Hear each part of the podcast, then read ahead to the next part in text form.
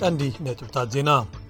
ቀዳማይ ምሉ መዓልቲ ጎስጓስ ምርጫ መራሕቲ ተን ዓበይቲ ሰልፍታት ናይ ሚልዮን ዶላር ምወላ መብጻዕታት ብምእታው ጀሚሮሞ መራሒ ተቓዋሚ ኣንቶኒ ኣልባነዚ ሰልፉ እንተ ተዓዊቱ ኣብ ቀዳማይ መንፈቕ ስልጣኑ ሓቀኛ ደሞዝ ክውስኾ ምዃኑ ቃል ኣትዩ መጠን ዘዋሪ ጥረ ገንዘብ ወይ ካሽረይትን ሃገራዊ ኣሃዝ ሽቕለት ኣልቦነትን ግን ጋዜጠኛታት ምስ ሓተትዎ ምዝካር ስኢንዎ ኢማኑዌል ማክሮን ኣብ ቀዳማይ ዙርያ ምድማፅ ንፕሬዚደንት ፈረንሳ ድሕሪ ምሕላፉ ኣብቲ ዝቕፅል ዙርያ ኣንጻር ሕሉፍ የማናዊት ሕፅይቲ ንፕሬዚደንት ማሪን ለፔን ክወዳደር እዩ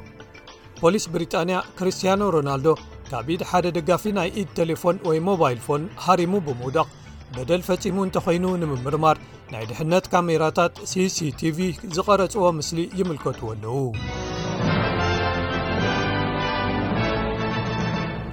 ቀዳማይ ምሉ መዓልቲ ናይቲ ን6ዱሽተ ሰሙን ዝኸይድ ጎስጓስ ምርጫ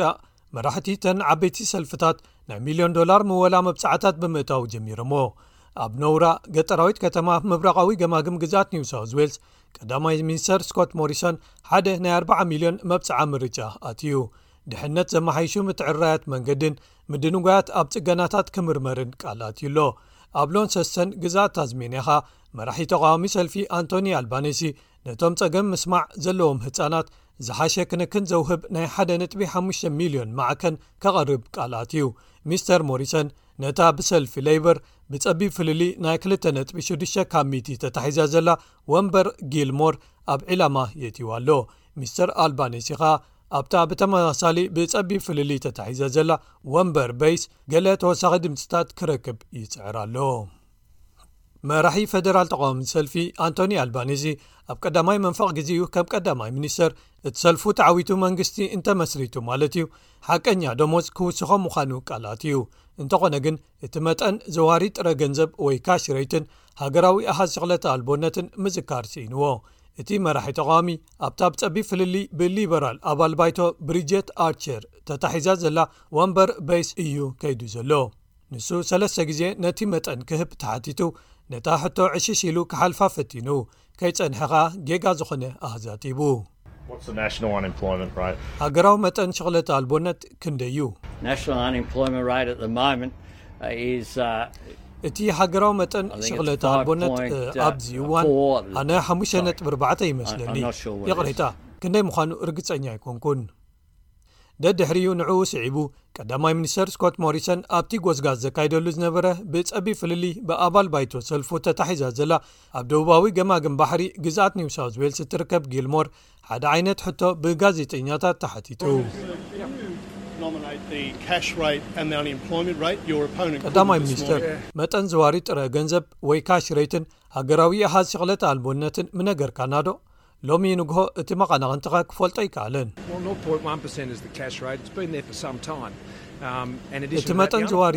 ጥረ ገንዘብ ወይ ካሽ ሬት ዜሮ ነጥቢ ሓደ እዩ ንገለ እዋናት ከምኡ ኢሉ ይጸኒሑ። ሃገራዊ ኣሃ ሸቕለት ኣልቦነት ኣርባዕተ ካብ ሚእቲ ምዃኑ ክነግረካ እንከለኹ ደስ እናበለኒ እዩ። ኣብ ሓምሳ ዓመት ዝተሓተ ናብ ዝኾነ እዩ ዝወርድ ዘሎ። ግዝኣት ኒው ሳውዝ ዌልስ ሰለስተ ተወሰኽቲ ሞታት ብሰንኪ ኮቪድ-19፣ 13,468 ሓደስቲ መልከፍታትን ጸብጺባ። 1,568 ኣብ ሆስፒታል ዝሕከሙ ዘለዉ ክህልው እንከለዉ፣ 62 ካብኣቶም ኣብ ትሕቲ ጽዑቕ ክንክን ይርከቡ። ኣብ ግዝኣት ቪክቶርያ ሓደ ተወሳኺ ሞት ምስ ኮቪድ-19 ዝተኣሳሰርን 9,597 ሓደስቲ መልከፍታትን ተጸብጺቦም። ገለ 381 ሰባት ኣብ ሆስፒታል ምክትታል ዝግበረሎም ክህልው እንከለዉ ዕስራ ካብኣቶም ኣብ ክፍሊ ጽዑቕ ክንክን ጥዕና ይርከቡ ሓደ ካብኦም ሓገዝ መተንፈሲ ቨንትሌተር ተገይሩሉ ኣሎ ዓለማዊ ባንክ ቁጠባ ዩክራይን ወራ ሩስያ ንግድታት ዓፅዩ ሰደዳት ከም ዝቕንስን ቁጠባዊ ንጥፈታት ኣብ መላእቲ ሃገር ደው ኣቢልሉ ኣብ ዘለዋን ብኣርባዓን ሓሙሽተን ካብ ሚቲ ክኹምተር እዩ ክብል ትንበያኡ ሂቡ እቲ ባንክ ብተወሳኺ ኣታዊታት ጠቕላላ ዘቤታዊ ምህርቲ ወይ gdp ሩስያ ናይ 222 ብ11 ነጥቢ 2 ካብ ሚቲ ክወርድ ይትንበ እዚ ኸኣ ብምኽንያት ፋይናንሳዊ እገዳታት ኣብ ልዕሊ ባንክታት ብመንግስቲ ዝውነና ትካላትን ካልኦት ዋኒናትን ብሕቡራት መንግስታት ኣሜሪካን ምዕራባውያን መሻርክታን እዩ ዓለማዊ ባንክ ብተወሳኺ እቲ ንዩክረይን ቤላሩስን ሞልዶቫን ዘካተተ ምብራቓዊ ዘባ ኤውሮጳ ኣብዚ ዓመት ብሰንኪቶም ጽልዋታት ካብቲ ኲናትን ምስንኻላት ንግድን ናይ 30 ነጥቢ 7 ካብ ሚቲ ምኹምታር gdp ከርኢ እዮም ክብል ትንቢቱ ሂቡኣሎ ኢማኑኤል ማክሮን ኣብ ቀዳማይ ዙርያ ምድማፅ ንፕሬዚደንት ፈረንሳ ድሕሪ ምሕላፉ ኣብቲ ዝቕፅል ዙርያ ኣንጻር ሕሉፍ የማናዊት ሕፅይቲ ንፕሬዚደንት ማሪን ለፔን ክወዳደር እዩ ትንበያታት ትካላት ኣከብቲ መለክዒ ርእይቶ ህዝብን ብኸፊል ተቖጺሩ ዝተገልጸ ቁጽሪ ድምፅታትን ሚስተር ማክሮንን ወይዘሪት ለፐንን ነቲ ምርጫ ይመርሕዎ ከም ዘለውን ኣብቲ መያዝያ 24 ዝካየድ ካልይ ዙርያ ምድማፅ ነናሓድሕዶም ክገጥሙ ምዃኖምን የመልክቱ ሚስተር ማክሮን ንሱ ገስጋሲት ወይ ከኣ ምዕብልቲ ፈረንሳ ከም እትረኣዩ ገሊጹ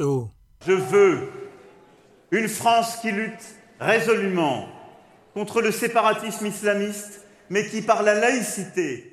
ኣነ ብትብዓት ኣንጻር እስላማዊ ምንጻል ትቃለስ ፈረንሳ እየ ዝደሊ፣ ግን ብመንገዲ ዓለማውነት ንነብሲ ወከፍ ሰብ ሃይማኖቶም ከተግብሩ ክኣምኑን ከይኣምኑን እተፍቅድ፣ ነታ ንኣስላምን ኣይሁድን ብሃይማኖቶም ዝተኣዘዘሎም ካብ ምብላዕ እትኽልክል ፈረንሳ ኣይኮንኩን እዚ ንሕና ኣይኮናን ኣነ ንነብሲ ወከብ ሰብ ንሽማግለታትናን ንኣሽቱናን ንደቂ ኣንስትዮን ብፍላይ ከኣ በይነን ቤተሰብ ዝኣልያ ኣዴታትን ነቶም ኣብ ተኣፋፊ ኩነታት ዘለዉ ምዕባለ ተምፅእ ሓንቲ ፈረንሳ እየ ዝደሊ ሚስተር ማክሮን ንወይዘሪት ለፔን ኣኽራሪ ዝኾነ ማኒፌስቶ ትደፍኣሉ ክብል ከሲስዋ ንሳ ኣብ ህዝባዊ ቦታታት ርእሶም ከይሽፍኑ ብምኽልካልን ካብ ኤውሮጳ ወፃኢ ዝመፁ ሰባት ብዝለዓለ ብምቕናስን መሰላት ኣስላም ክትድርቶ ትደሊ ቱኒዝያን ሰንበት ኣንጻር ፕሬዚደንት ካይ ስዒድ ተቃውሞ ኣካይዶም ዝሓለፈ ወርሒ ባይቶ ክብተን ድሕሪ ምግባሩ ምልኪ ሓደ ሰብ መስሪቱ ክብሉ ከሲሶሞ ፖለቲካዊ ቅልውላውቲ ሃገር ዝሓለፈ ወርሒ ዝኸረረሉ ልዕሊ ደርዘን ዝኾኑ ኣባላት ባይቶ ነቲ እቲ ፕሬዚደንት ዘሕለፉ ኣዋጃት ብኦንላይን ክቕንጠጥ ድሕሪ ምግባሮም እዩ ንሕና ናብ ቁጠባዊ ዕንወት ዝነቑታ ዘሎ ሓደ ዝፈሸለ ውልቀ ምልኪ እዩ ዝጽበየና ዘሎ ሓደ ዕልዋ ነዞም ውሳኔታቱን ኣዋጃቱን ኣገዲዱ ክሳብ ዝመልሶም ተቓውሞና ክንቅጽል ኢና ክትብል ተጣባቒት ሻይማ ዒሳ ገሊጻ ብዙሓት ኣባላት ባይቶ ኣብቲ ኣብ ትሕቲ ከቢድ ህላወ ጸረ ናዕቢ ፖሊሳት ዝተኻየደ ናይ ሰንበት ተቓውሞ ተሳቲፎም እቶም ኣድመኛታት ህዝቢ ነቲ ዕልዋ ክቕልብሶ ይደሊ ከብሉ ጭርሖታት ኣስሚዖም ነዚ ዕልዋ ምቅዋም ክንቅጽሎ ኢና ኣይከነንሰሓብን ከኣ ኢና ነዚ ውልቀ ምልኪ ኣይክንቅበሉን ኢና ሓንቲ ካብተን ክልተ ምክትል ኣፈኛታት ባይቶ ዝኾነት ሳሚራ ሸውሺ ትገልጽ ኣብቲ ዝሓለፈ ወርሒ ፕሬዚደንት ሳዒድ ዝበተኖ ብኦንላይን ዝተጋበአ ኣኼባ ፀረ ግብረ ሽበራ ፖሊስ ንመራሒ ተቃውሞ ራሽድ ሻኑስን ካልኦት ኣርቅቕቲ ሕግን ንክሕተቱ መፀዋዕታ ኣቕሪቡሎም እዚ ካብ ደገን ውሽጥን ኣብይ ነቐፌታ ኣስዒቡሎ